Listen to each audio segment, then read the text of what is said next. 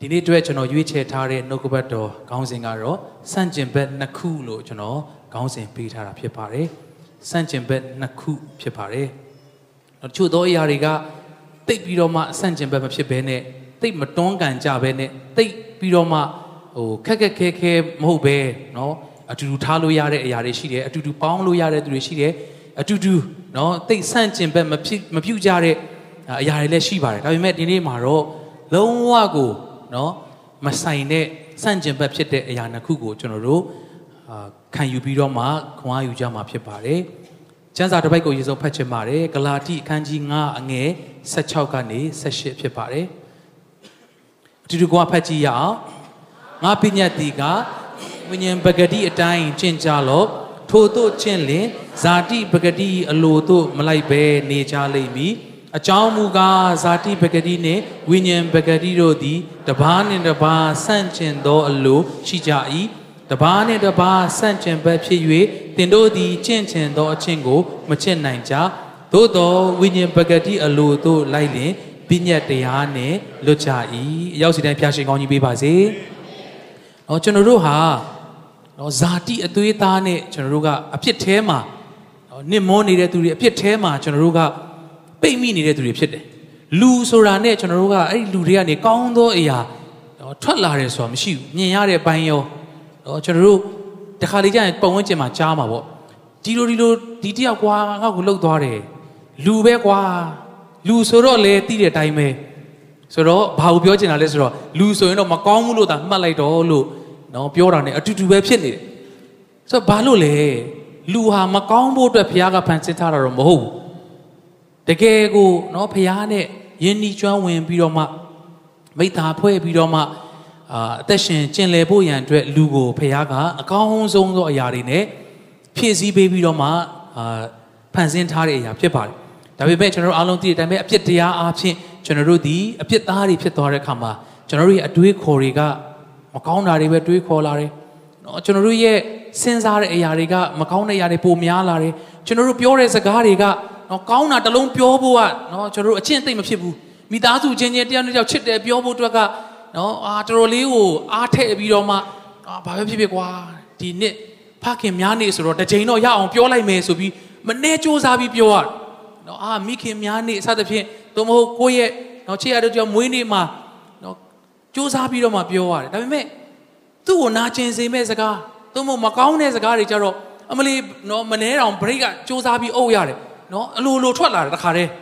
ကျွန်တော်တို့လူဖြစ်တဲ့အခါမှာဇာတိအသွေးသားကကျွန်တော်တို့ကိုပျက်စီးစေတယ်ပုတ်ပျက်စေတယ်ဒါပေမဲ့နော်ဝိညာဉ်ပဂတိကကြတော့အဲ့လိုမဟုတ်ပြန်ဘူးဒါဆိုရင်ကျွန်တော်တို့ကနော်ဟာအဲ့ကောင်းတာပဲဝိညာဉ်ပဂတိဒါပေမဲ့အဲ့ဒီဝိညာဉ်ပဂတိနဲ့အသက်ရှင်နိုင်ဖို့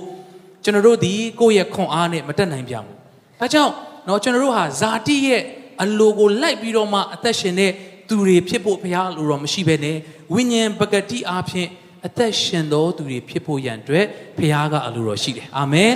အနာမှာရှိသူပြောရအောင်ဇာတိနဲ့ဝိညာဉ်ဟာဆန့်ကျင်ဘက်ဖြစ်တယ်လို့ပြောရအောင်ဒါကြောင့်တစ်ခါလေကြာရင်နော်ဝိညာဉ်အယမ်းဆန်တယ်လို့ထင်ရပေမဲ့ကျွန်တော်တို့ဇာတိကကောင်းမယ်ထင်တဲ့အရာတွေနဲ့ကျွန်တော်တို့လုံမိတဲ့အရာတွေလည်းအများကြီးရှိတယ်ဘာသာရေးမှာပင်လင်း နော်ကြည်လိုက်ရင်တော့ကျွန်တော်တို့ကိုကိုကိုခြေနဲ့နှစ်သိမ့်မှုရတယ်လို့ဖြစ်ပေမဲ့တကယ်တမ်းကျွန်တော်တို့ရဲ့နော်ဇာတိရဲ့အာကောင်းမယ်ထင်တဲ့အရာတွေနဲ့ကျွန်တော်တို့လုပ်တဲ့အရာဖြစ်တဲ့အခါမှာဖခင်ကမနစ်သက်ဘူးဒီလဟာဖခင်ရဲ့စိတ်တော်နဲ့တွေ့တော့နော်အသက်တာတွေဖြစ်မဲ့လလို့ကျွန်တော်တို့စက္ကအနန္နာဖြစ်တဲ့အတွက်သင်ရဲ့ဇာတိကြီးနဲ့ဖခင်စီကိုသွားလို့တော့လုံးဝမရဘူးအာမင်ဝိညာဉ်ပကတိနဲ့အသက်ရှင်တော်သူတွေဖြစ်ဖို့ဘုရားလိုတော့ရှိတယ်ထိုကဲ့သို့အသက်ရှင်နိုင်တော်သူဖြစ်ဖို့ရန်အတွက်ဘုရားရှင်ကောင်းကြီးပေးပါစေ ဆိုတော့ဇာတိနဲ့နော်ဝိညာဉ်ကဘလောက်ထိကွာခြားတယ်လဲဘလောက်ထိဆန့်ကျင်ဘက်ဖြစ်တယ်လဲဆိုတော့နောက်ထပ်ကျမ်းပိုက်တစ်ခုထပ်ဖတ်ရအောင်ဂလာတိခန်းကြီး9အငယ်19ဖြစ်ပါတယ်ဇာတိပဂတိအကျင့်တို့သည်ထင်ရှားကြ၏ထိုအကျင့်တို့မူကားသူမယားကိုပြစ်မှားခြင်းမတရားသောမေထုံ၌မိဝဲခြင်းညဉ့်ညူးစွာကျင့်ခြင်းကိလေသာလွန်ကျူးခြင်းเนาะပြီးတော့20ထပ်ဖတ်ရအောင် ရုပ်တုကိုကိုးကွယ်ခြင်းသူတစ်ပါးကိုပြုစားခြင်းရန်ညိုးဖွဲ့ခြင်းရန်တွေ့ခြင်းဂုံပြိုင်ခြင်းအမျက်ထွက်ခြင်းညင်းခုန်ခြင်းအချင်းချင်းကွဲပြားခြင်းသင်ကွဲခြင်း21သူ့အကျိုးကိုညူဆူခြင်းလူသက်ကိုတတ်ခြင်းရစ်မျိုးကိုတောက်ကျူးခြင်းပွဲလှုပ်ခြင်းမှဆ၍ထိုသို့သောအချင်းပေတီးတဲ့ဟုတ်ပြီအဲ့မှာနာရက်ထားအောင်နော်ဆိုတော့ဇာတိပဂတိရဲ့အချင်းလူတယောက်ဟာဇာတိနဲ့အသက်ရှင်လာပြီဆိုရင် နော်ဒီဟာတွေဒီအကျင့်တွေထင်ရှားလာမယ်တဲ့ဆိုတော့ကျွန်တော်တို့ရွေးချယ်ဖို့ဖြစ်ပါတယ်ငါဇာတိနဲ့အသက်ရှင်ရင်ငါအထက်ကဘာတွေထွက်လာမလဲကျွန်တော်တို့ကိုယ်ထဲကိုဝင်တဲ့အရာတွေကပဲနော်ပြန်ပြီးတော့မှကျွန်တော်တို့ကိုဒုက္ခပေးတဲ့အရာဖြစ်ပါတယ်နော်ကိုယ့်ရဲ့ကျမ်းမာရေးနဲ့မတည့်တဲ့အရာတွေကျွန်တော်တို့ထဲဝင်သွားတယ်ဆိုရင် ကျွန်တော်တို့ရဲ့ကျမ်းမာရေးရလက်ကမကောင်းတာထွက်လာဒါကြောင့်ဇာတိပဂတိဟာနော်ဒီအရာတွေကိုထွက်လာစေတယ်တဲ့နော်ဟိုကြည့်ပဲဆိုရင်နော်အများကြီးပဲကောင်းတဲ့အရာတစ်ခုမှမပါဘူးအနာမရှိသူပြောရအောင်ဇာတိနဲ့ပတ်သက်တဲ့ဟာတစ်ခုမှကောင်းတာမရှိဘူးလို့ပြောရအောင်အာမင်ကျွန်တော်တို့ဇာတိနဲ့အသက်ရှင်တဲ့သူတယောက်အသက်တာထဲမှာ လှပတဲ့အရာတွေထွက်လာဖို့ရန်အတွက်ကတော်တော်လေးခက်ခဲပါတယ်ကျွန်တော်တို့နှုတ်နော်ဟိုဟိုရင်ဟိုတလောကလည်းကျွန်တော်ဝေငါဘူးပါတယ်ကျွန်တော်နှုတ်ကနေပြီးခဲ့တဲ့တောက်ကြနေ့ကလည်းဆမတ်ဂလိုရီယာနော်ထပ်မှန်ပြီးဝေငါကျွန်တော်နှုတ်ကနေကောင်းတဲ့စကားတွေထွက်လာဖို့ဆိုတာကစူးစမ်းပြီးတော့မှပြောရင်တစ်ချိန်မို့တစ်ချိန်မှာပြန်ပြီးတော့မှနော်ဖောက်ပြန်မှားယွင်းသွားတတ်တယ်ကျွန်တော်တို့နှုတ်ကိုထိန်းလို့မရဒါပေမဲ့ကျွန်တော်တို့အထဲမှာ ကျွန်တော်နှလုံးဘန္နာတိုက်ထဲမှာထဲ့တဲ့အရာမှန်လာရင်တော့ကျွန်တော်တို့နှုတ်ကထွက်တဲ့အရာကမှန်လာမှာဖြစ်ပါတယ်အာမင်ကျွန်တော်တို့ရေခွက်ထဲကိုရေထည့်ထားတယ်ခဏလေးတွန်လိုက်တဲ့ခါမှာတခြားအရာမထွက်လာဘူးရေပဲထွက်လာမှာဒီလိုပဲဖြော်ရည်တစ်ခုခုထည့်ထားတဲ့ခွက်ကိုနော်လောင်းထည့်လိုက်ရင်ပလင်းထဲမှာလောင်းထည့်လိုက်လို့ရှိရင်ဖြော်ရည်ပဲထွက်လာမှာဘာလို့လဲဆိုတော့အဲ့ဒီပလင်းထဲမှာထည့်ထားတာကရေသို့မဟုတ်ဖြော်ရည်ဒါဆိုရင်ထည့်ထားတဲ့အရာပဲထွက်လာဒါကြောင့်ကျွန်တော်တို့နှုတ်ရှာပါဇက် နော်ကျွန်တော်တို့ထိန်းချုပ်ဖို့ရတယ်စူးစမ်းတယ်ထိန်းလို့မရဘူးဆိုရင်ဒီနေ့ကျွန်တော်တို့ရဲ့နှလုံးသားမှန်ကန်စွာအသက်ရှင်လာတဲ့အချိန်ရောက်လာတဲ့အခါကျွန်တော်တို့နှုတ်ကမှန်ကန်သောစကားတွေထွက်လာတာဖြစ်တယ်။ဟာလေလုယာ။ဒါကြောင့်အရေးကြီးဆုံးသောအရာကိုကျွန်တော်အရင်ပြင်ဖို့လိုတယ်။အာမင်။နော်ကားတစ်စီးကဟာမိကိုတွေထွက်နေတယ်။အဲ့မိကိုကိုလိုက်ပြီးတော့မှနော်ဟာဘာလို့ကောင်းမလဲ။နော်တခါကျရင်မြန်မာပြည်ကအမျိုးမျိုးရှိတာဘူးနော်။ဆိုတော့ဤမျိုးစုံပေါ့ဟာဘာထည့်လိုက်ရင်နော်အင်ဂျင်ကျနေပြီမဲ့နော်အဲ့ အိဇောထဲမှာဘာညာထည့်လိုက်ရင်လဲမိโก้လောလောဆယ်မထွက်တာဘာညာတွေလည်းရှိတယ်ကြားဘူးတယ်ဟုတ်လားတော့မသိဘူး။အဲ့ဒါကလက်တလုံးဖြည့်ရှင်းတာဒါပေမဲ့ तू engine ကျနေပြီအဲ့ဒီ engine ကိုသေချာနော်ကင်တွယ်ဖို့မဟုတ်ရင်လည်းလိုအပ်ရင်အလုံးလိုက်လဲဖို့ဒါကြောင့် ဒီနေ့ကျွန်တော်တို့စိတ်နှလုံးပုံစံပြောင်းလဲဖို့ကျွန်တော်တို့ရဲ့နှလုံးသားအသစ်ဖြစ်ဖို့ရန်အတွက်လိုတယ်ဆိုတာကကျွန်တော်တို့ထွက်လာတဲ့အရာတွေမှန်ကန်ဖို့ရန်အတွက်ကျွန်တော်တို့ရဲ့နှလုံးသားကဇာတိနဲ့အသက်ရှင်တဲ့အသက်တာမဟုတ်တော့ဘဲနဲ့ဝိညာဉ်ပဂတိနဲ့အသက်ရှင်တဲ့သူတွေဖြစ်လာပြီဆိုရင်တင့်တို့ကစ조사ပြီးတော့မှကောင်းတာပြောစရာမလိုတော့ဘူးထွက်လာသမျှရာအားလုံးကကောင်းသောစကားတွေဖြစ်လာမှာဖြစ်တယ်ဟာလေလုယာလက်ခုပ်တိလက်ဖျားကိုချီးမွမ်းကြရအောင်အာမင်ဒါကြောင့်အမျိုးမျိုးနော်ညူဆူခြင်းလူတက်ကိုတက်ခြင်းအောင်ဖြစ်စေတယ်ရေမျိုးကိုတောက်ကျူးခြင်းတွေ နော်အမျိုးမျိုးဂုံပြိုင်ခြင်းတွေအမျက်ထွက်ခြင်းညင်းခုန်ခြင်းအချင်းချင်းကွဲပြားခြင်းဒါတွေအားလုံးကနော်ကျွန်တော်တို့ဇာတိဖြစ်ကျွန်တော်တို့လူရဲ့ဇာတိကတကယ်တမ်းနော်ရှင်းရှင်းလင်းလင်းမြင်ရမယ်ဆိုရင်အယံကိုယွန်ရှာစရာကောင်းပါပဲဒါကြောင့်ဇာတိနဲ့ပတ်သက်တဲ့အရာတွေအားလုံးကကျွန်တော်တို့ကိုကောင်းတဲ့အရာတစ်ခုမှမပေးဘူးဆိုတော့ကျွန်တော်တို့နားလေရဒါကြောင့်တမန်တော်ကြီးရှင်ဘောလူကနော်ငါရဲ့အကျိုးစီးပွားဖြစ်စေတဲ့အရာအားလုံးငါရှုံးစေသောအရာကဲ့သို့မှတ်တယ် တနည်းအားမှာဘယ်တော့တောင်ပြောလဲဆိုတော့ငါမစင်ကဲ့သို့ကျွန်တော်တို့ရဲ့အသက်တာထဲမှာထိုကဲ့သို့နော်မြင်နိုင်ဖို့ရန်အတွက်အရေးကြီးပါတယ်ဘာလို့လဲဆိုတော့ဇာတိပဂတိရဲ့ပေါက်ဖွာလာတဲ့အရာကြီးကနော်လုံးဝကိုမကောင်းတာတွေကြီးပဲတန်းစီပြီးတော့မှဖြစ်နေတယ်ထို့တူပဲဝိညာဉ်ပဂတိရဲ့အကျိုးကိုကျွန်တော်တို့တစ်ချက်ကြည့်ရအောင်နော်ဂလာတိခန်းကြီး9အငယ်20နဲ့23ဖြစ်ပါတယ်ဖတ်ကြည့်ရအောင် ဝိညာဉ်ပဂတိအကျိုးမူကားချစ်ခြင်းဝမ်းမြောက်ခြင်းငြိမ်သက်ခြင်းစိတ်ရှည်ခြင်းကျေးဇူးပြုခြင်းကောင်းမြတ်ခြင်းသစ္စာဆောင်ခြင်းနူးညံ့သိမ်မွေ့ခြင်းကာမဂုဏ်ချုပ်တီးခြင်းပေတည်ထိုသို့သောအကျင့်ကိုအဘယ်တရားများမမြစ်တာဝိညာဉ်ပဂတိရဲ့အကျိုးကခုနကနဲ့လုံးဝဆန့်ကျင်ဘက်ခုနကတော့ကောင်းတာတစ်ခုမှမပါဘူးဒါပေမဲ့ဝိညာဉ်ပဂတိရဲ့အကျိုးကတော့ချစ်ခြင်းတဲ့ဝမ်းမြောက်ခြင်းတဲ့ငြိမ်သက်ခြင်းတွေ စိတ်ရှည်ခြင်းကျေးဇူးပြုခြင်းကောင်းမြတ်ခြင်းတစ္ဆာဆောင်ခြင်းနူးညံ့သိမ်မွေ့ခြင်းကာမဂုဏ်ချုပ်တီးခြင်းကောင်းတဲ့အသီးတွေကောင်းတဲ့အကျိုးတွေမြောက်များစွာဒါကြောင့်နော်ကွာခြားလွန်းပါတယ်ကျွန်တော်တို့ဇာတိနဲ့အသက်ရှင်တော်သူနဲ့ဝိညာဉ်နဲ့အသက်ရှင်တော်ဒါကြောင့်အချမ်းမြင့်အဖြစ်နော်ယုံကြည်သူတွေခရိယန်တွေကိုလူတွေကနော်ပတ်ဝန်းကျင်မှာပြောကြလေအာအရန်နူးညံ့ကြတယ်အာခရိယန်တွေကအသီးခံကြတယ်ခရိယန်တွေကချစ်ချင်းမေတ္တာ ချစ်ချင်းမေတ္တာနဲ့ယုံကြည်သူတွေနဲ့တွဲမြင်တယ်ချစ်ချင်းမေတ္တာနဲ့နူးညံ့ခြင်းနဲ့တွဲပြီးတော့မြင်တယ်ဘာဖြစ်လို့လဲကျွန်တော်တို့ဒီဇာတိနဲ့အသက်ရှင်သောသူတွေကနေပြီးတော့မှယေရှုခရစ်တော်ကိုယသွားတဲ့အခါကျွန်တော်တို့ကဝိညာဉ်ပကတိနဲ့အသက်ရှင်ခွင့်ရှိသောသူတွေဖြစ်သွားတယ်ဟာလေလုယာဒါကြောင့်ကျွန်တော်တို့နဲ့စကားပြောတဲ့သူတိုင်းကအော်သူနဲ့စကားပြောတဲ့အခါဘယ်လိုလဲမသိဘူးတော့အနှွေးထွေးခြင်းခံစားရတယ်နူးညံ့တယ်ချစ်ချင်းမေတ္တာခံစားရတယ် ဘာကိုးကွယ်တယ်လဲဘာလူမျိုးလဲမေးတာတော့မဟုတ်သေးဘူးမေးစရာတော့မလိုဒါပေမဲ့အထဲကနေပြီးတော့မှဝိညာဉ်ပကတိရဲ့အကျိုးတွေကစီးထွက်နေတယ်ဒါကြောင့်နော်ဒီနေ့နှုတ်ကပတ်တော်ကတော့အရင်နော်နားထောင်ကောင်းပြီးတော့မှခွန်အားရစရာနော်တက်ကြွတဲ့နှုတ်ကပတ်တော်ဖြစ်ချင်မှဖြစ်မယ်တိုးတော်လေဒီနေ့ဒီနေရာမှာကျွန်တော်တို့နော်အသက်တာမှာတကယ်လိုအပ်တဲ့အရာတွေကိုဖခင်ကဒီတလားထဲမှာသူ့ရဲ့ခေါင်းစဉ်အောက်မှာတဆင့်ပြီးတဆင့်ကျွန်တော်တို့ကိုဖြည့်ပေးသွားတာဖြစ်ပါတယ်ဒါကြောင့်နော်ကျွန်တော်တို့အပေါ်ယံ ခဏတာအစဉ်ပြေဖို့ကျွန်တော်တို့မကြိုးစားဘဲနဲ့အတွင်းကနေပြီးတော့မှကျွန်တော်တို့ဝိညာဉ်ပကတိနဲ့အသက်ရှင်တော်သူတွေဖြစ်လာပြီဆိုရင်ကွဲပြားခြင်းတွေကိုကျွန်တော်တို့စုယုံစေတော်သူเนาะကျွန်တော်တို့အမျက်ထွက်ခြင်းကိုကျွန်တော်တို့ငြိမ်းစေတော်သူတွေเนาะငြင်းခုန်ခြင်းကိုကျွန်တော်တို့ဖြန့်ဖြေတော်သူတွေเนาะသင်ခွဲခြင်းကိုကျွန်တော်တို့ကအာတားဆီးတော်သူတွေเนาะညူဆူခြင်းလူသက်သက်ခြင်းမကောင်းတဲ့အရာတွေကိုကျွန်တော်တို့ကเนาะခြေဖြတ် ဖို့ရန်အတွက်ဖခင်ကကျွန်တော်တို့ကိုလောကမှာအသက်ရှင်စေတာဖြစ်တယ်ဒါကြောင့်စန့်ကျင်ဘက်နှစ်ခုအဲ့ဒီနှစ်ခုထဲမှာကျွန်တော်တို့နော်ဘာနဲ့အသက်ရှင်ခြင်းတလဲဆိုတာကျွန်တော်တို့စဉ်းစားဖို့ဖြစ်ပါတယ်နော်လူဟာကျွန်တော်တို့အဖြစ်တရားအားဖြင့်ကောင်းတဲ့ຢာတစ်ခုမှမထွက်လာနိုင်ဘူးနော်ကျွန်တော်တို့ဇာတိရဲ့စ조사မှုကတချို့သောနေရာတွေမှာကောင်းတယ်လို့လို့ဖြစ်ပင်မဲ့ဒါပေမဲ့အဆုံးမှာကျွန်တော်တို့အတွက်ဆုံးချုံခြင်းတွေကိုအကျိုးတွေကိုမြင်ရတယ်ဆိုတာလည်းတွေ့ရတယ် ဆိုတော့ဒီကောင်းစဉ်အောက်မှာတကယ်တော့ပြောချင်တာတွေအများကြီးပါပဲเนาะကျွန်တော်တို့သင်တန်းလိုမျိုးဆိုရင်เนาะတနေကုန်အောင်ပြောလို့ရတဲ့ခေါင်းစဉ်ဖြစ်တယ်သို့တော်လည်းကျွန်တော်တို့เนาะအချိန်ရသလောက်နဲ့ဒီနေ့ဘုရားလမ်းပြသလိုကျွန်တော်တို့ပြောတော့မှာဖြစ်ပါတယ်ဆိုတော့မနေ့ကเนาะဆရာမကွန်ပြောတဲ့ထဲမှာပါသလားတော့မသိဘူးဆိုတော့ဒီနေ့ကျွန်တော်တို့အများအားဖတ်ရတဲ့เนาะအာဗြဟံကနှစ်ပေါင်းများစွာကလေးမရနိုင်တဲ့အခါမှာသူ့ဇနီးเนาะဆာရာနဲ့ တိုင်ပင်ပြီးတော့ပြောမလားဆာရာရဲ့ idea လို့ပြောမလားသူကအာမဖြစ်နိုင်တော့ဘူးဒါကြောင့်ကျမရဲ့ကျွန်မဟာဂရနဲ့ကလေးယူလိုက်ပါအဲ့ဒါကိုနော်ကျမတို့ကလေးလိုမျိုးတတ်မှတ်မယ်ဆိုပြီးတော့မှသူ့ရဲ့ကျွန်မနဲ့အာကိုဝင်ရှိသွားတဲ့အခါမှာဣရှမေလဆိုတဲ့သားမွေးလာတယ်ဖခင်ကပြောထားပြီးသားဂတိထားပြီးသားသင်အแทကနေပဲသင်ရဲ့လူမျိုးကြီးဖြစ်ခြင်းကို ဖခင်ကပေးမယ်လို့ပြောထားတယ်ဒါပေမဲ့တခါလေကျွန်တော်တို့မစောင့်နိုင်ဘူးကျွန်တော်တို့ဇာတိကအရန်ကိုနော်အုံနောက်အရန်ကောင်းတယ်တခါလေကြာရင်ကျွန်တော်တို့တွေဖခင်ရဲ့အကြံစီတောင်မှမပြည့်စုံခင်ကျွန်တော်တို့ကမဆောင်နိုင်ဘဲနဲ့ကျွန်တော်တို့ရဲ့ဇာတိအသွေးသားကောင်းမယ်ထင်တဲ့ရနော်ကျွန်တော်တို့တခါလေဇာတိလို့ပြောတဲ့အခါမှာလေရံဖြစ်နေတာဟာတခုခုလူတက်နေတာအဲ့ဒါကြီးပဲမဟုတ်ဘူးနော်ဒီအထဲမှာအချက်တော့ပါတော်လည်းပဲ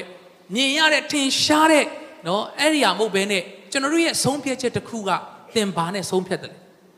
ဇာတိအသွေးသားရဲ့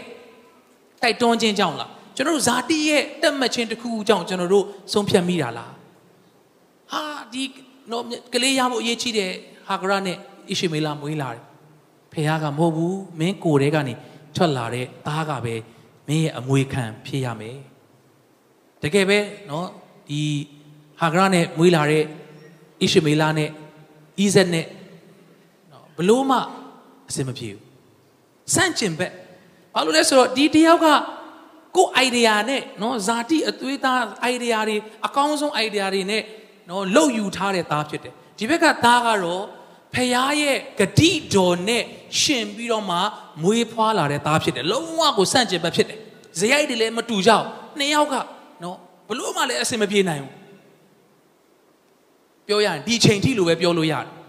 အဲ့ဒီမျိုးနွယ်တွေနော် နှစ်ခုကအဆင်မပြေနိုင်ဒါကြောင့်ဒီဟာကိုဆင်ကျင်တဲ့အခါမှာကျွန်တော်စိတ်ထဲမှာနော်ထွက်လာတဲ့စာကြောင်းစာကြောင်းလေးတစ်ခုရှိအဲ့ဒါကတော့ဇာတိအားဖြင့်စ조사လုပ်ယူတဲ့အရာကဒုတိယအကောင်းဆုံးကိုရရင်ရနိုင်တယ်အာမင်ကြည့်လိုက်တဲ့အခါမှာဟာတားရပြီလေဒီမှာဟာဂရနဲ့တားဒါအာဗြဟံငါတားပဲလို့ပြောလို့ရတယ်ဒါပေမဲ့အဲ့ဒါကဖျားပေးခြင်းတဲ့အရာမဟုတ်ဘူးတချို့သောသူတွေကနော် ဝိညာဉ်ပကတိအားဖြင့်ဖျားရဲ့ဂတိတော်အားဖြင့်ရမယ့်အရာမရောက်လာခင်မှာကျွန်တော်တို့ရဲ့ဇာတိအပြင်လုံမိတဲ့အရာတွေကြောင့်ကောင်းတယ်လို့တော့ရှိပေမဲ့နော်ဒုတိယအကောင်းဆုံးနဲ့တက်တလုံးခြေနဲ့လိုက်ရတဲ့သူတွေရှိတယ်ဒီနေ့ဖခင်ကသင်သက်တာထဲမှာသင်ဇာတိအတွေးခေါ်တွေနဲ့သင်ဖြစ်ချင်လွန်းလို့ရအောင်ဖန်တီးထားတဲ့ဒုတိယအကောင်းဆုံးနဲ့ဘဝဆုံးသွားဖို့ဖခင်လိုတော့မရှိဘူးသူ့ရဲ့ဂတိတော်နဲ့ရှင်ပြီးရလာတဲ့အကောင်းဆုံးသောဤဇက်နဲ့အသက်ရှင်ဖို့ဖခင်လိုတော့ရှိတယ် ဟာလေလုယာဟာလေလုယာလက်ခုပ်တီးလက်ဖခင်ကိုချီးမွမ်းရအောင်အာမင်ဒါကြောင့်တစ်ချိန်မှာနော်ဆာရာကဟာဂရာကိုနှင်ထုတ်တဲ့ခါမှာပထမတစ်ခေါက်နော်ဟာဂရာကကောင်းကင်တမန်စကားကြားပြီးတော့မှသူ့သခင်မစီပြန်ပြီးနာခံတယ်နောက်တစ်ခေါက်မှာတော့ဖခင်ကိုယ်တိုင်ကမင်းမိမဆာရာပြောတဲ့အတိုင်းလက်ခံလိုက်ပါဣရှမေလနဲ့ဟာဂရာကိုမောင်းထုတ်လိုက်ပါတဲ့တစ်ချိန်မှာအာဗြဟံဘလို့မှ အတူတူဆက်နေလို့မရတော့စန့်ကျင်ဘက်ကြီးဒီနှစ်ယောက်ကဘလို့မှအဆင်မပြေတော့ဣရှမေလနဲ့ဣဇက်ကဘလို့မှနော်အတူတူကိုထားလို့မရဘူးစန့်ကျင်ဘက်ဘာလို့လဲဆိုတော့ဖြစ်ပွားလာရတဲ့အကြောင်းရင်းကလုံးဝမတူတဲ့အတွက်ဖြစ်တယ်ဒီသင်သက်တာထဲမှာဇာတိရောဝိညာဉ်ပဂတိရောအတူတူနော်ဖက်တွယ်ထားခြင်းလို့မရဘူးတစ်ချိန်မှာသင်တစ်ခုခုကိုမောင်းထုတ်ရမှာဖြစ်တယ် အဲ့ဒီချိန်မှာဇာတိပဂတိကိုမောင်းထုတ်နိုင်သောယုံကြည်သူများဖြစ်ဖို့ဘုရားရှင်ကောင်းကြီးပေးပါစေဟာလေလုယာဟာလေလုယာ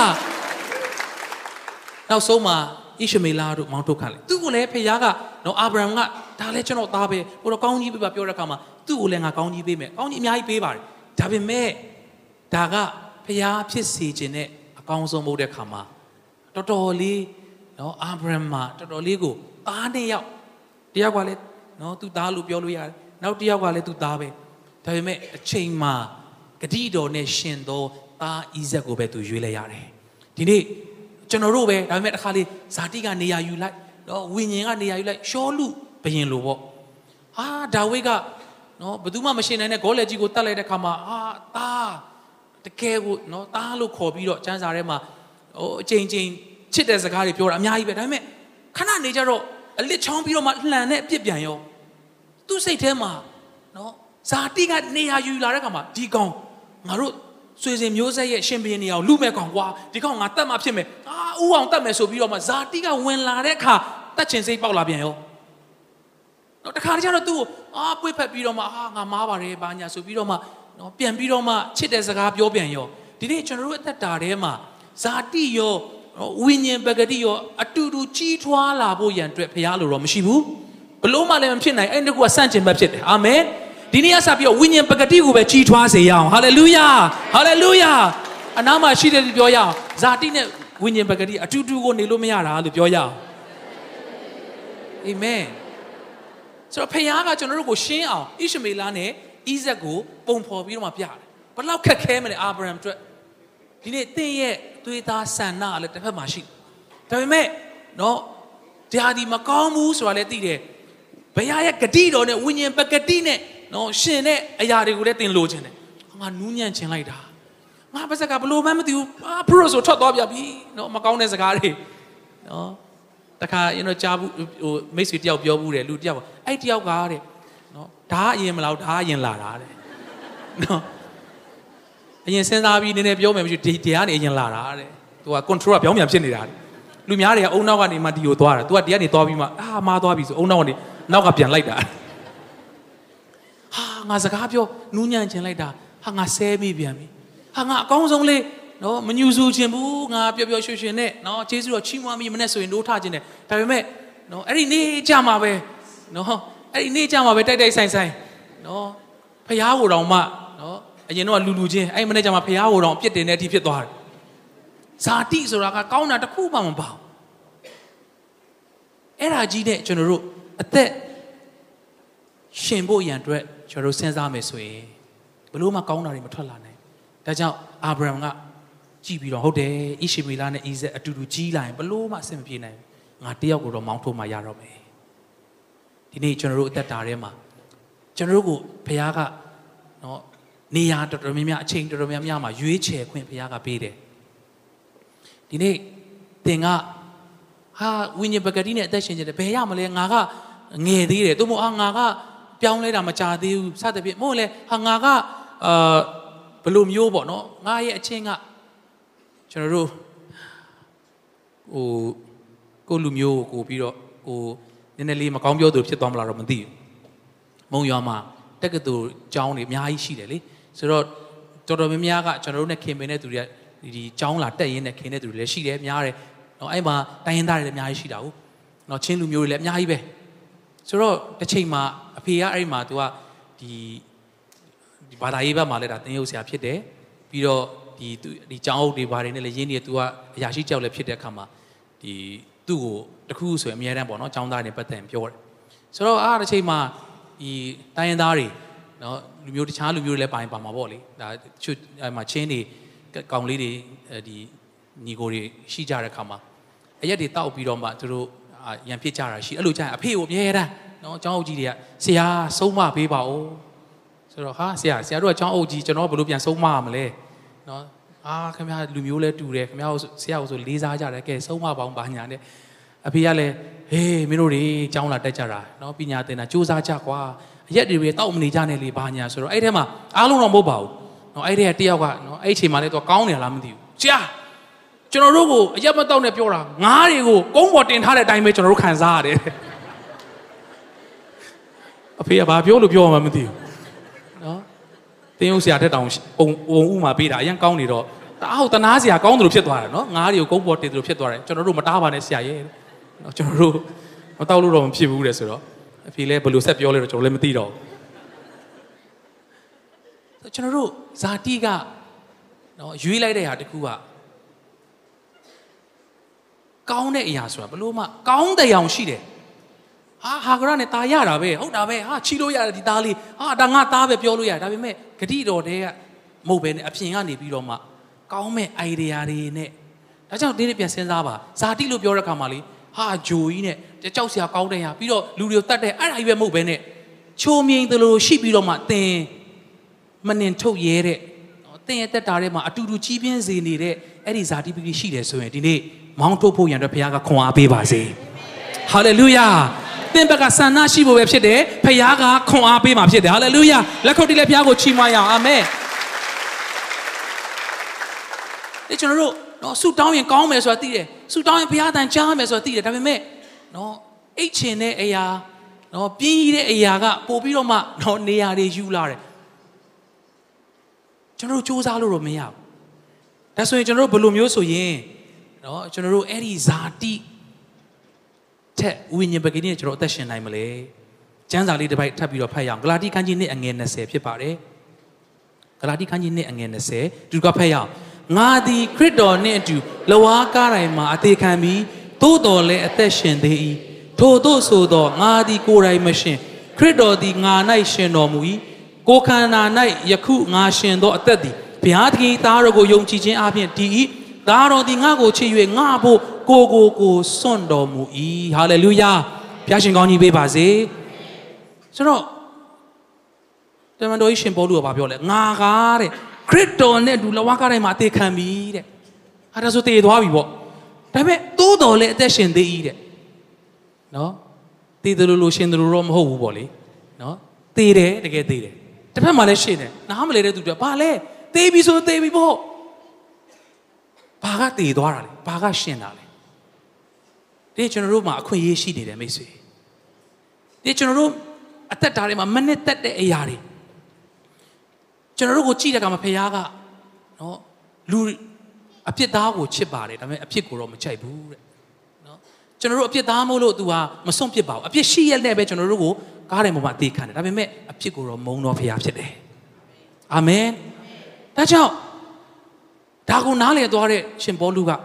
ငါကားတဲ့ငါဆိုတဲ့အဲ့ဒီငါတွေမကောင်းတဲ့ဇာတိတွေအားလုံးငါလက်ဝါးကားတိုင်းမှာယေရှုခရစ်တော်နဲ့တူငါအသေးခံလိုက်ပြီတဲ့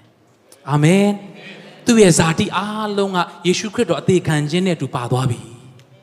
အာမင်ဆိုတော့နော်တည်သွားတယ်ဆိုတဲ့စကားလုံးကစဉ်းစားကြည့်ရင်နှုတ်ကပတ်တော်ကတကယ်လေးရှင်းပါတယ်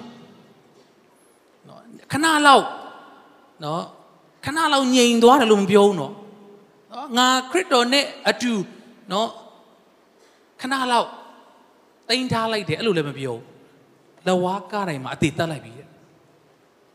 ငါဆိုတဲ့အရာကိုလဝါကားတိုင်းမှာတက်လိုက်ပြီအဲ့ဒီငါဆိုတဲ့အထက်မှာတမတ်ချင်းတွေပါတယ်မကောင်းတဲ့အရာတွေပါတယ်တော့ကျွန်တော်တို့ဇာတိနဲ့ဆိုင်တဲ့အရာတွေအကုန်လုံးပါတယ်အဲ့ဒါတွေအားလုံးငါကားတိုင်းမှာဘာလို့လဲဆိုတော့ကိုယ့်ကိုယ်မှမလုပ်နိုင်တာကျွန်တော်တို့စကားလေးတကွန်ကောင်းကောင်းပြောဖို့ စူးစမ်းတာတော့မှမစူးစမ်းနိုင်ဘူးဆိုရင်အဲ့ဒီထက်ပိုများတဲ့အရာတွေကျွန်တော်တို့အသက်တာထဲမှာမလုပ်ချင်ဘဲနဲ့လုံပြီးတဲ့အရာတွေအများကြီးရှိတယ်ဒါပေမဲ့အဲ့ဒါရက်သွားစေချင်အဲ့ဒါသေသွားစေချင်တယ်ဆိုရင်တော့ကျွန်တော်တို့ကားတိုင်းပေါ်မှာယေရှုခရစ်တော်နဲ့တူအသေးခံပြီးတော့မှယေရှုခရစ်တော်နဲ့တူကားတိုင်းပေါ်မှာကျွန်တော်တို့ကနော်အသေးခံလို့ရတယ်ဆိုတာကိုတမန်တော်ကြီးရှင်ပေါလုကကျွန်တော်တို့ဖော်ပြတာဖြစ်တယ်။ဒါဆိုရင်သေတယ်ဆိုတဲ့စကားလုံးကိုကျွန်တော်ဆက်လေးလာရအောင်။သေတယ်ဆိုတာခဏအိတ်တာမဟုတ်ဘူး။သေတယ်ဆိုတာတတိမေ့တာမဟုတ်ဘူး။သေတယ်ဆိုတာခဏလေးနော် ဟိုမေ့ချင်အောင်ဆောင်တာလည်းမဟုတ်ဘူး။အိတ်ချင်အောင်ဆောင်တာလည်းမဟုတ်ဘူး။အိတ်တာလည်းမဟုတ်ဘူး။သေတယ်ဆိုတာကသေတာ။အာမင်။နော်ဘယ်လိုရှင်းပြရမလဲတော့မသိဘူး။ဆိုသေးပြီဆိုရင် तू ကဘာမှတုံ့ပြန်မှုလည်းမရှိတော့ဘူးလှုပ်ရှားမှုလည်းမရှိတော့ဘူးနော်သေးပြီဆိုပြီးတော့မှငါကနေထထိုင်ရတော့အဲ့ဒါသေတာမဟုတ်တော့ဘူးနော် ကျွန်တော်တို့ကသေးပြီဆိုပြီးတော့ငါကနေထထထိုင်နေဖွဲ့တွေပါတတ်တယ်ကျွန်တော်တို့နော်ဟာငါသေးသေးပြီငါစာတိသေးသွားပြီဂရက်ဆိုငါကနေထိုင်မြန်ရောဟာဒီကောင်မသေးသေးဘူးနော်ဟိုရင်တော့ရှိဘူးတယ်နော်လူတွေကအမျိုးမျိုးနောက်တာသူ့ကိုလူတွေချစ်လားမချစ်လားသိချင်လို့တဲ့သိချင်ရောင်ဆောင်တာဆိုတဲ့အဖွဲ့တွေလည်းရှိသေးတယ်နော်ဟာအငိုကြပြူကြနေဘာနဲ့ပေါ့လေဆိုတော့ဘယ်သူတွေကချစ်လဲဆိုတာကိုသိချင်လို့ဆိုတာမျိုးလဲနော်ရှိသေးတယ်ဒါပေမဲ့တကယ်တမ်းတော့ သေပြီဆိုရင်တော့ဘာမှတက်မှတ်မှုလည်းမရှိတော့အာမင်နော်ကျွန်တော်အဖေက2019မှာခေါ်ရမိုချင်းခံရတဲ့အခါမှာကျွန်တော်မုံရွာလိုက်သွားတယ်အဲ့မနေ့မှာဟာအရင်တော့ဆိုကျွန်တော်သွားပြီဆိုရင်နော်ကျွန်တော်ပြန်ပြန်လာပါလို့တခါမှတော့မခေါ်ဘူးအဖေကအလုတ်ရှုံမှန်သိတဲ့အတွက်ဒါပေမဲ့ပြန်လာတော့မယ်ဆိုတာသိတာနဲ့သူကဟာဒီမှာဈေးတွေသွားနော်သူကိုယ်တိုင်ဟင်းနေချက်နေသူကစောင့်နေကျွန်တော်ရောက်ရောက်တော့မယ်ဆိုရင်နော်တကပေါက်ကနေအဲ့လိုမျိုးအာတားကိုသူကနော် ဟိုပြုံးရွှင်ပြီးတော့သူစောင့်နေတာပေါ့ဒါပေမဲ့အဲ့ဒီခေါက်သွားတဲ့ခါကျတော့ကျွန်တော်အဖေဆိုပြီးတော့မှအိမ်ထဲကိုဝင်သွားတယ်ထူးတာမကြတော့အရင်တုန်းကအာလက်ဆွဲနှုတ်ဆက်တဲ့အဖေအရင်တုန်းကအာသမီးနေချက်ကျွေးတဲ့အဖေကမရှိတော့ဘာမှလှုပ်ရှားမှုမရှိတော့သူ့ကိုနော်ထားထားတဲ့နေရာကိုကျွန်တော်အနာကတ်သွားတယ်ကျွန်တော်ခေါ်တယ်ဘာမှမထူးနိုင်ဘူးကျွန်တော်ကင်ကြည့်လဲဘာမှလှုပ်ရှားမှုမရှိတော့ နော်ဥမာသူ့နာအောင်လုပ်လဲသူဘာမှမနာတတ်တော့ဒီနေ့ကျွန်တော်တက်တာထဲမှာဒါမြင်အောင်ပြောပြတာတကယ်သေးပြီလားကျွန်တော်တို့သေခြင်းအောင်ဆောင်တာလားနော်သေတယ်လို့လို့ဖြစ်ပြီးတော့မှတကယ်တမ်းကျတော့နော်မသေသေးတာလားကျွန်တော်တို့ဇာတိတွေတကယ်သေသွားပြီဆိုရင်ဟာအဲ့ကောင်ကွာငါ့ကိုစော်ကားတာအချိန်များနေပြီနှစ်ခါရှိပြီသုံးခါကြာရင်တော့ငါမရတော့ဘူး နှစ်ခါတိတော့ငါခရိယန်ဆိုတော့ခွင့်လွှတ်လိုက်မယ်ဒါတော့ခရိယန်မို့လို့နော်သုံးချိန်ဆိုတော့မရတော့ဘူးအဲ့ဒါကတည်တယ်လို့မခေါ်ဘူးနော်စောင့်နေတာအချိန်ခါခွင်ကောင်းစောင့်နေတာခဏနေငါခွင်ထဲပြန်ထိုင်มา तू ကဆိုတော့တည်တာမဟုတ်ဘူးတကယ်တည်သွားတဲ့အခါလာလှောင်ပြောင်လဲမနာတတ်တော့လာပြီးနာအောင်လုပ်လဲမနာတတ်တော့လာပြီးတော့မှအာတခုစားရအောင်ခေါ်လဲ ဘာမှမစားတော့ဘာမှလည်းမတက်မတ်တော့ဘာမှစားကျင်တယ်ဆိုတာလည်းမရှိတော့ဒီနေ့ကျွန်တော်အသက်တာထဲမှာအဲ့လိုဇာတိသေးသွားတဲ့အထိဖခင်ကကျွန်တော်တို့ကိုနော်လှုပ်ပေးတဲ့ဖခင်ဖြစ်တယ်အာမင်သင်ကိုယ်တိုင်မလုပ်နိုင်ဘူးဒါပေမဲ့ဖခင်နဲ့အတူသင်အသက်တာအနံလိုက်ပါသင်ရဲ့ဇာတိငါဆိုတဲ့ဇာတိကလုံးဝသေသွားမှာဖြစ်တယ်ဟာလေလုယာလက်ခုပ်တီးလက်ဖခင်ကိုချီးမွမ်းရအောင်အာမင်ဟာလေလုယာဟာလေလုယာနော်ဒါကြောင့်ချို့သောသူတွေကကျမ်းစာ ဟောအာတချို့တွေကလည်းအရန်ကိုလိုတဲ့အရာဆွဲတဲ့တစ်ခါမှာကျမ်းစာတွေကတနေရာယူပြီးတော့မှဟာအပြစ်တရားလုပ်တာငါလုပ်တာမဟုတ်ဘူးငါအထဲကအပြစ်တရားလုပ်တာနော်ငါလုပ်ချင်တာမဟုတ်တော့သူနော်အထဲကအထဲကအပြစ်တရားလုပ်သွားတာဆိုတော့နော်ဘယ်လိုလုပ်ပေးရမှန်းမသိဘူးဖြစ်နေတာအထဲကအပြစ်တရားကိုပဲနော်ရိုက်ရင်းနဲ့မင်းခန္ဓာကိုယ်ထိသွားတယ်ဆိုပြီးရိုက်ရမလားနော်ကျွန်တော်တို့ကအုံနောက်အရန်ကောင်းတဲ့ခါမှာဇာတိကတဖြည်းဖြည်းပို့ပြီးတော့ကြီးထွားလာတာအာ ဇာတိကအရန်ကိုနော်အကောင်တော်ကြီးနေပြီနော်တော်တော်လေးအချိန်ရနေပြီအာဝိညာဉ်ပဂတိကနေရာယူလို့မရအောင်ဖြစ်ဒါပေမဲ့အာဗြဟံကနောက်ဆုံးမှာတော့မဖြစ်တော့ဘူးဘုရားဂတိတော်နဲ့ရှင်ပြီးရတာမဟုတ်တဲ့ဒါဣရှဘေလာကိုချစ်တော်လဲပဲတခါလေကျွန်တော်တို့ဇာတိနဲ့ဆိုင်တဲ့အရာတွေစွန့်လွတ်ဖို့ကတခါလေတော်တော်လေးခက်ခဲပါတယ်ခုနပြောသလိုတချို့ဟာတွေကမကောင်းတဲ့အရာတွေရှိတော်လေတချို့ဟာတွေကချိုမြိန်တဲ့နော်ဇာတိဖြစ်ပေမဲ့ချိုမြိန်တဲ့ကောင်းတယ်လို့ ကိုကိုယ်တိုင်ခံစားရတဲ့တခါလေကြာရင်အမေလူများတော်တော်အကျိုးရှိမလို့လို့ဖြစ်တဲ့ဇာတိလည်းရှိတယ်နော်ဇာတိအမျိုးမျိုးရှိတယ်နော်ကျွန်တော်တို့အချိန်သိမရလို့ခွဲချမ်းစိတ်ဖြာပြီးတော့မပြောမပြောတော့ဘူးဒါပေမဲ့ဇာတိလို့ပြောတယ်မကောင်းတာကြီးပဲလည်းမဟုတ်ပြန်ဘူးလူတွေအားလုံးဟာကောင်းတယ်မိုက်တယ်အဲ့ဒီဟာလဲတခါလေဇာတိဖြစ်တတ်တယ်အဲ့ဒီဘလောက်ကောင်းတဲ့အရာဖြစ်ပါစေဇာတိအားဖြင့်မွေးဖွားလာတဲ့အရာဖြစ်တယ်ဆိုရင်ကျွန်တော်တို့မောင်းထုတ်ပြဖို့ရန်အတွက်ဘုရားရှင်ခွန်အားပေးပါစေဟာလေလုယာဟာလေလုယာဘလောက်ပဲနော်ချုံမြင်တဲ့အရာပဲဖြစ်ပါစေ ဇာတိအားဖြင့်မွေးဖွားလာတဲ့အရာဆိုရင်ကျွန်တော်တို့အသက်တာထဲမှာမချီးထွားစေဘဲနဲ့ကျွန်တော်တို့မြန်မြန်မောင်းထုတ်ဖို့လိုပါတယ်ဒါကြောင့်ကျွန်တော်တို့ရဲ့မတက်နိုင်တဲ့ငါဆိုတဲ့အရာတွေကိုလောဝါကားတိုင်းမှာဒီနေ့တကယ်စမ်းကြည့်ပါမိတ်ဆွေနော်ဆက်ဆုံးဝင်းလွင်တို့ဆရာငယ်လေးတို့သူတို့ကဟိုဘာမှတကယ်တော့မကောင်းတာတွေမစွဲခဲ့ပဲမလုပ်ခဲ့ပဲနဲ့ဟိုရှောက်ပြီးတော့မှတက်သေးခံတာမဟုတ်ဘူးတော့တကယ်ဆိုးတာတကယ်ဟို နော်ဆရာစောဝင်းလွင်ဆိုရင်ဘုရားသချင်းတွေတော်တော်နာမည်ကြီးတဲ့ဟောသချင်းတွေပြောလိုက်ရင်ခွန်အားမရမှာဆိုလို့နာအဲသချင်းတွေတော့မပြောတော့ဘူးတချို့သချင်းတွေနာမည်ချင်းကြီးတဲ့သချင်းတွေရေးတဲ့အချိန်မှာမူးပြီးတော့ရေးတာအောင်ရှိသေးတယ်သူလည်းစူးစမ်းတယ်ဘလို့မှမရနိုင်ဘူးဒါပေမဲ့နောက်ဆုံးမှာဖခင်ရဲ့မြစ်တာကအနိုင်ယူပြီးတော့သူ့ရဲ့ဇာတိရဲ့လုံးဝသေသွားတဲ့အခါမှာသူ့ရဲ့တနစ်ပြည့်အောင်းမေးပွဲမှာကျွန်တော်နှုတ်ကပတ်တော်ဝင်ငါခွင့်ရခဲ့တဲ့အခါမှာကျွန်တော်ဝင်ငါတဲ့အရာက နှစ်နက်စားတညအိတ်ဆိုတော့သူ့ရဲ့နော်သုံးနေကြစကားလေးတစ်ခုဖြစ်တယ်ကျွန်တော်တို့တော်တော်ကြာကြာကလေးကနော်ဇမ်ဘီတဲ့ငါတို့လူတွေကတကယ်တော့နှစ်နက်စားတညအိတ်ပဲလေဘာတွေငါတို့ကမာနတွေထားပြီးတော့ဘာတွေငါတို့ကြီးကျယ်ပြီးတော့မှငါတို့အသက်ရှင်နေမလဲတဲ့တကယ်တမ်းတော့နှစ်နှစ်စားတညအိပ်ပါပဲကျွန်တော်တို့တော့အရင်ချမ်းသာလုံးလို့ဆိုပြီးတော့မှတနေ့ကိုနှစ်ညအိပ်လို့မရပါဘူးနော်ဘလောက်ပဲချမ်းသာချမ်းသာတညပဲအိပ်လို့ရတယ် နှစ်နှစ်ကတော့ပြောလို့မရဘူးတချို့ကလေးနှစ်လောက်စားရင်စားမှာဆိုတော့တကယ်တော့ငါတို့ကနှစ်နှစ်စားတညအိပ်တွေပါတဲ့တကယ်ဆို तू လဲအောင်မြင်နိုင်တဲ့လမ်းကြောင်းပေါ်မှာရှိတဲ့သူဖြစ်တယ်ဒါပေမဲ့အဲ့ဒီစကားကိုပြောနိုင်တဲ့အခွင့်ကငါဆိုတဲ့ကြော်စောကိတ်တိရှိရှိချင်တဲ့အရာတွေနော်ငါဆိုတဲ့ထောင်လွှားခြင်းအားလုံးကို तू ကခရစ်တော်နဲ့တတ်လိုက်တဲ့အခါမှာ तू လူအနေနဲ့အောင်မြင်စွာနဲ့တည်တဲ့သူတယောက်လို့တတ်မှတ်လို့ရချင်မှရမယ်။ သူရမ်းချမ်းသာပြီးတော့မှတည်သွားတဲ့သူတယောက်မဟုတ်ပါဘူးအရန်ကိုအာဘွဲတစိတွေအများကြီးရသွားတဲ့နော်သူတယောက်လည်းမဟုတ်ပါဘူးဒါပေမဲ့အေးဆေးပဲသူဟာ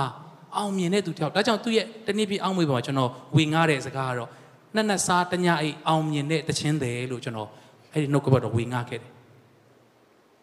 ဒီနေ့ကျွန်တော်တို့လောကရဲ့အောင်မြင်ခြင်းဟာတခါလေကြာရင်ဇာတိအသွေးသားနဲ့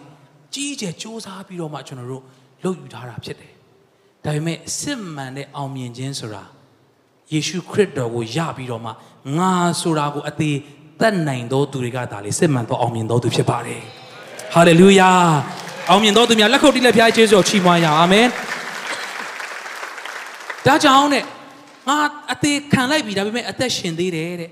ထို့သို့ဆိုတော့ငါသည်ကိုယ်တိုင်မရှင်ကျွန်တော်နောက်လိုက်ဆိုစေတဲ့ယေရှုပြု၍ငါသည်ကိုယ်တိုင်မရှင် အာမင်ကျွန်တော်တို့ရှင်တော့ရှင်နေဒါပေမဲ့အဲ့ဒီရှင်ခြင်းကကိုဟာကိုစ조사ပြီးကိုယ်တိုင်ရှင်တာမဟုတ်တော့နားလည်နိုင်ဖို့ဘုရားရှင်ကောင်းကြီးပေးပါစေဒီလှုပ်ရှားနေတယ်တွာလာနေတယ်ဟာနော်အောင်မြင်တဲ့သူဖြစ်ရင်ဖြစ်မယ်ဒါပေမဲ့အဲ့ဒါကကိုမဟုတ်တော့ဘူးအဲ့ဒီခါမှာလေအယမ်းကိုနော်ဖခင်ရဲ့ဘုံတင်ရှားတဲ့သူကြောင့်ဖြစ်သွားတယ်အာမင်နော်အောင်မြင်တဲ့ဒါကိုဘုရားမချက်တာလုံးဝမဟုတ်ဘူးနော်ချမ်းသာကြွယ်ဝတော့ဘုရားမချက်တာလုံးဝမဟုတ်ဒါပေမဲ့ ကိုဟာကိုရှင်နာမဟုတ်ပဲနဲ့ဖခင်ကကိုအထဲကနေရှင်တဲ့အသက်နဲ့ကျွန်တော်တို့ကစတင်မတ်တရက်လာပြီးတော့မှအောင်မြင်တဲ့သူတယောက်ဖြစ်လာခြင်းဟာဖခင်ရဲ့ဘုန်းတော်ထင်ရှားစေခြင်းဖြစ်တယ်ဟာလေလုယာဒါကြောင့်ငါရှင်နေသေးတယ်တဲ့ဒါပေမဲ့အဲ့လိုပြောလို့ငါကိုယ်တိုင်ရှင်တာမဟုတ်ဘူးတဲ့ခရစ်တော်ဒီငါ၌ရှင်တော်မူ၏ဟာလေလုယာဆိုတော့ခရစ်တော်ကကျွန်တော်တို့ထဲမှာရှင်တယ်ဆိုတော့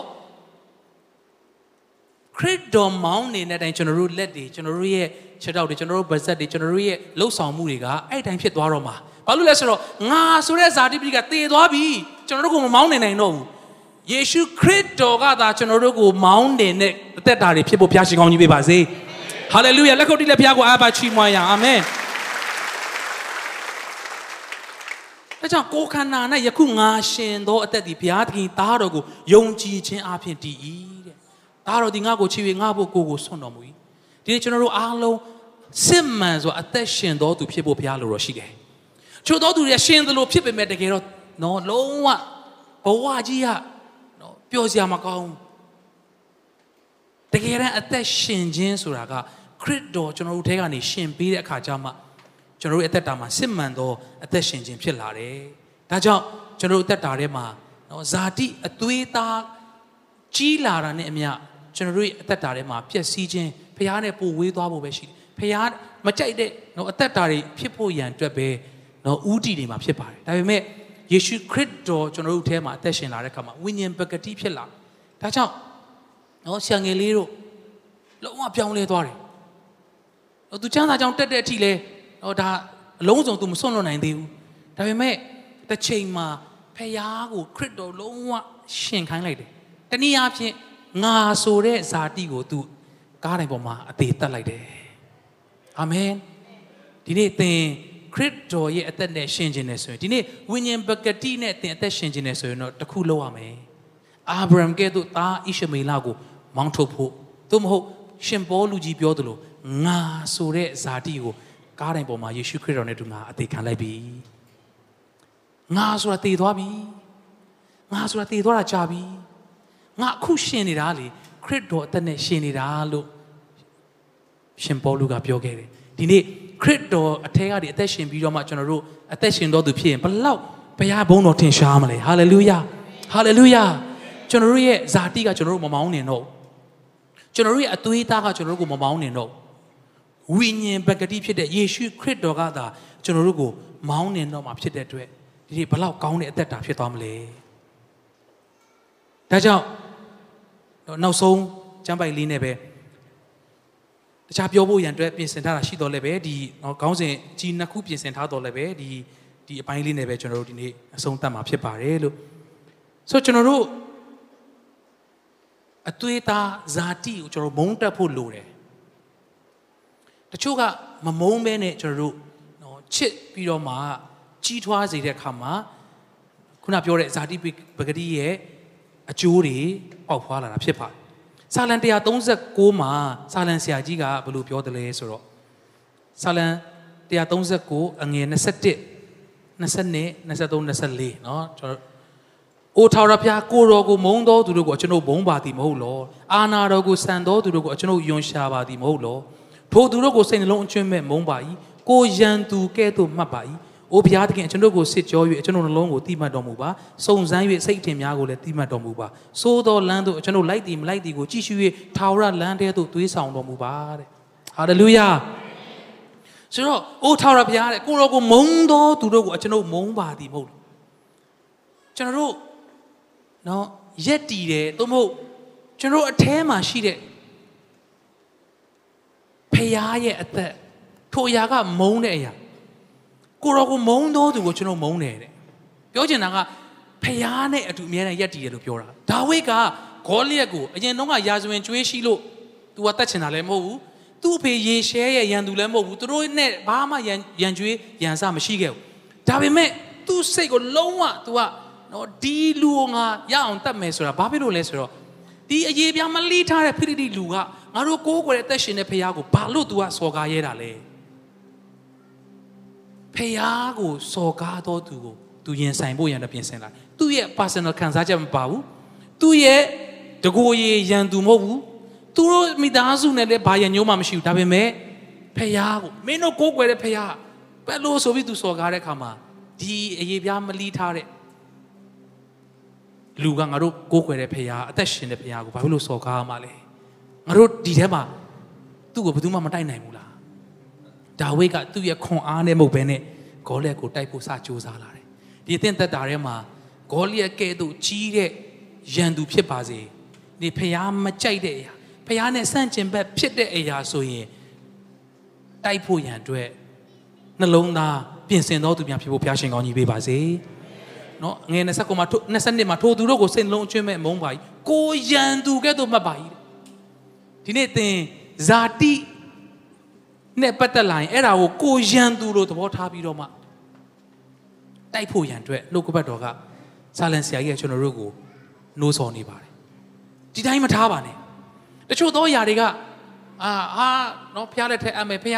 မှန်တယ်ဒါပေမဲ့ဖះကကျွန်တော်တို့ကိုယေရှုခရစ်တော်အဖြစ်ခတ်သိမ်းသောအမှုတို့ကိုတက်ဆွမ်းရသောအခွင့်ကိုပေးထားပြီးသားဖြစ်တယ်။ယန်သူကိုစီးတားရသောအခွင့်ကိုသင်တို့ကငါပေးတယ်တဲ့။ဟာလေလုယာ။ ယုံကြည်ခြင်းမှာတည်ပြီးတော့မှယန်ယန်သူကိုစီးတားပါတဲ့။ကျွန်တော်တို့ကနော်ဒီအိမ်မဲ့လွတ်ထားပေးဖို့မဟုတ်ဘူး။ဇာတိကတဖြည်းဖြည်းကြီးလာမှာ။တင်းရဲ့အသက်တာထဲမှာမကောင်းတဲ့ရတင်မလို့ခြင်းတဲ့ရတခုကြီးထွားလာပြီဆိုအဲ့ဒါကြီးကိုလွတ်ထားမပေးနဲ့။ပို့ပို့ပြီးကြီးထွားလာမယ်။အာဗြဟံကြီးကြီးပြီးတော့သားတော့သားပဲနှစ်ယောက်လုံးဒါပေမဲ့မဖြစ်တော့ဘူးဒီနေ့ရောက်အတူတူကြီးလာလို့ဘလို့မှမဖြစ်နိုင်ဘူးဒီနေ့တင့်ကိုတင်ပြန်ကြည့်ပါကျွန်တော်ကိုကျွန်တော်ပြန်ကြည့်တယ် ဒီကျွန်တော်တက်တာထဲမှာဇာတိနဲ့ပတ်သက်တဲ့အရာဘယ်လောက်ကြီးနေပြီဝိညာဉ်ပဂတိကကြီးလို့မရအောင်နေရာယူလို့မရအောင်ဇာတိပဂတိကအရန်နေရာယူတယ်ဆိုရင်တော့ကျွန်တော်တို့ဆုံးဖြတ်ဖို့ရန်အတွက်အချိန်ရောက်ပြီ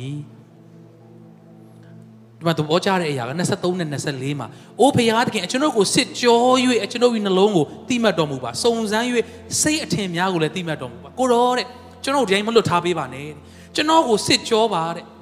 ကျွန်တော်ရဲ့နှလုံးကိုတိမှတ်ပါ စုံစမ်းပြီးတော့မှစိတ်အထင်တွေကိုသိမှ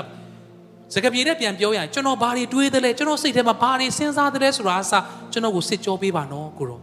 ကိုကိုကိုအနန္တာဒီနေ့သင်မတက်နိုင်ဘူးမလားကိုကိုကိုအနန္တလို့ရပါတယ်အာမင်ဆာလန်ဆီယာကကျွန်တော်စူးစမ်းလိုက်မယ်ကိုရောကျွန်တော်အကောင်းဆုံးတွေးမယ်ကျွန်တော်အကောင်းဆုံးစဉ်းစားနိုင်အောင်စူးစမ်းမယ်ကျွန်တော်အကောင်းဆုံးအချက်တွေကျင့်မယ်အဲ့လိုမပြောဘူးကိုရောကျွန်တော်ရဲ့စိတ်အထင်တွေကိုတော့စစ်ကြောပါ နောက်ဆုံးမှာစိုးသောလမ်းတို့ကျွန်တော်လိုက်သည်မလိုက်သည်ကိုကြည့်ရှု၍ထာဝရလမ်းတဲ့သို့သွေးဆောင်တော်မူပါဒီနေ့ဖခင်လက်ထက်မှာတင်းရတက်တာအဲ့လိုရတယ်ကိုတော့ကျွန်တော်စိုးသောလမ်းကိုလိုက်သလားမလိုက်ဘူးလားဆိုတာကိုတော့ကျွန်တော်ကိုကြည့်ပြီးတော့မှကြည်ရှု၍ထာဝရလမ်းတွေကိုသွေးဆောင်တော်မူပါတဲ့။ဒီတက်မှာခွင့်ရရှိနေတယ်အဲ့ဒါကတော့ကိုကိုကိုဖျားလက်ထက်မှာအနံခွင့်ရှိနေတာဖြစ်ပါတယ်။ဟာလေလုယာ။ဟာလေလုယာ။နောက်တစ်ခါကျကျွန်တော်တို့ငယ်တော့ဆိုရှိတယ်လေ။ အဖေမေတို့ပြောတယ်။ဟာမနေ့ကျရင်နိုးနော်မထနိုင်မှာဆိုလို့နိုးနော်ပြောထားတဲ့အခါမှာနော်အဖေမေကမနေ့၄နာရီ၅နာရီကျူရှင်သွားရမယ်။ကိုကကိုမထနိုင်ဘူး။ကိုကနော်အိတ်အိတ်ကြီးတယ်မထနိုင်ဘူးဆိုရင်အဖေမေအားကိုရတယ်နိုးနော်အဖေမေကရအောင်နိုးတယ်အချိန်မီသွားတယ်ဒီနေ့သင်မလုံနိုင်ဘူးသင်မထနိုင်ဘူးဆိုရင်ကိုတော်ဖေဟာကျွန်တော်ကိုတေးချာလေးကြည့်ရှုစောင့်ရှောက်ပေးပါအာမင်ကျွန်တော်တွေးတဲ့အရာတွေကဇာတိတွေများလာပြီဆိုရင် ကျွန်တော်ကိုစစ်ကြောပေးပါကျွန်တော်နှလုံးသားကမကောင်းဘူးဆိုရင်ကိုတော်ကျွန်တော်အထဲကနေကိုတော်ရှင်ပါကျွန်တော်ကိုယ့်ကိုရှင်လို့ကတော့လုံးဝကောင်းတာတွေထွက်လာမှာမဟုတ်ဘူးဒါပေမဲ့ကိုတော်ကျွန်တော်အထဲမှာရှင်ပေးပါကျွန်တော်စိုးသောလမ်းကိုလိုက်မိသလားမလိုက်မိလားဆိုတော့ကိုတော့ကျွန်တော်ကိုကြည့်ပြီးတော့မှကြည့်ရှုပြီးတော့မှတကယ်လို့သွားမိတယ်ဆိုထာဝရလမ်းတဲ့ကိုပြန်ပြီးတော့မှဆွဲခေါ်ပေးပါတဲ့အာမင်ဒီနေ့သင်သွားနေတဲ့လမ်းတွေသင်တွေးနေတဲ့အရာတွေတခုခုမကောင်းဘူးဆိုရင် ကျွန်တော်တို့ကတခြားเนาะတခြားတခုခုတခြားဘာသာတခုခုလို့ငါစ조사မယ်ငါကျင့်မယ်ဆိုပြီးကျွန်တော်တို့ကျင့်တဲ့လမ်းစဉ်ကိုသွားတဲ့သူတွေပို့ဖို့ကိုတော့ကျွန်တော်ကိုဆွဲခေါ်ပါကျွန်မကိုဆွဲခေါ်ပါဒါပေမဲ့တစ်ဖက်ကလည်းကျွန်တော်တို့တာဝန်ရှိတယ်အဲ့ဒါကတော့ကျွန်တော်တို့ကဆုံးဖြတ်ပြီးတော့မှသားဖြစ်ပေမဲ့ဣရှမေလကိုနှင်ထုတ်လိုက်ရတယ်ကျွန်တော်ယုံကြည်ပါတယ်အာဗြဟံမျက်ရည်ကျနိုင်ပါတယ်နာကျင်နိုင်ပါတယ်အဲ့ဒီညသူအိတ်လို့ရချင်မှရမယ် ဒီနေ့သင်ဘဝတက်တာထဲမှာဖျားမကြိုက်တဲ့အရာတခုသင်စွန့်ပစ်ဖို့ရန်အတွက်စွန့်လို့ဖို့ရန်အတွက်သင်နှလုံးသားနာကျင်နာကျင်လိမ့်မယ်မျက်ရည်တွေကျရင်ကျမိလိမ့်မယ်ဘာလို့လဲဆိုတော့တချို့သောဇာတိတွေကခုနကျွန်တော်ပြောသလိုမကောင်းတာမှမဟုတ်တာကောင်းတဲ့အရာတွေဖြစ်တတ်တယ်ဒါပေမဲ့ဖះအလိုတော်မရှိတဲ့ဂရိတော်မဟုတ်ဘူးဆိုရင်ကျွန်တော်အရင်တော့လည်းအများနဲ့တက်တည်ခံသလိုနော်တခြားသောကျွန်တော်ညီကိုမောင်နှမတွေနော်ဒေသန်ရှင်တွေအများကြီးရှိတယ် သူတို့ကိုဖះခေါ်တာတမျိုးဖြစ်လိမ့်မယ်တိုးတော့ကျွန်တော်ကတော့အသက်15နှစ်လောက်အရွယ်မှာဖះကသူ့ရဲ့အမှုတော်မှာပဲပါဝင်ဖို့တခြားတခြင်းတွေမဆိုဘဲနဲ့ဖះတခြင်းပဲဆိုပြီးတော့မှအမှုတော်မှာအေးငရီတရားမှာပါဝင်ဖို့ဖိတ်ခေါ်တယ်လွယ်တော့မလွယ်ဘူးတချို့တွေကလည်းဘေးနားနေပြီးတော့ကျွန်တော်စေတနာနဲ့ဟာမဆိုင်ဘူးဟာဒါကောင်းတယ်လှုပ်ချကောင်းတဲ့အရာဖြစ်ဖြစ်မယ်ဒါပေမဲ့ ဂတိတော်ထားသောအရာအဖြစ်မွေးဖွားလာမယ့်အရာ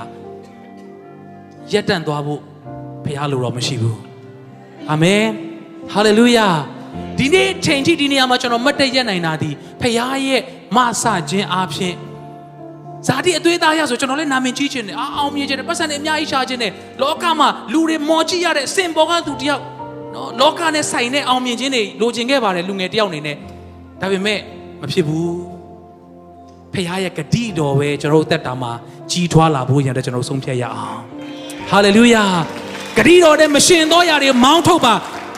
တစ်ချိန်မှာကြီးမားသောတက်သေးတွေမြောက်များစွာသင်မြင်တွေ့ရမှာဖြစ်ပါတယ်ဟာလေလုယာဒါကြောင့်ဣရှမေလနဲ့ဣဇက်ကစန့်ကျင်ဘက်ဘလို့မှနေလို့မရတယ်လို့ကျွန်တော်တို့ရဲ့ဇာတိကျွန်တော်တို့အဲမှာဇာတိနဲ့ဝိညာဉ်တပြိုင်တည်းတည်းကြီးထွားစေခြင်းနဲ့ဆိုရင်တော့မဖြစ်နိုင်ဘူးဒီနေ့ဆုံးဖြတ်ချက်ချပြီးတော့မှဝိညာဉ်ပဂတိရဲ့အကျိုးတွေမြောက်များစွာ ကျွန်တော်တို့တက်တာတွေကနေမွေးဖွားနိုင်ဖို့ရန်အတွက်အရောက်စီတိုင်းဖျားရှင်ကောင်းကြီးပေးပါစေ။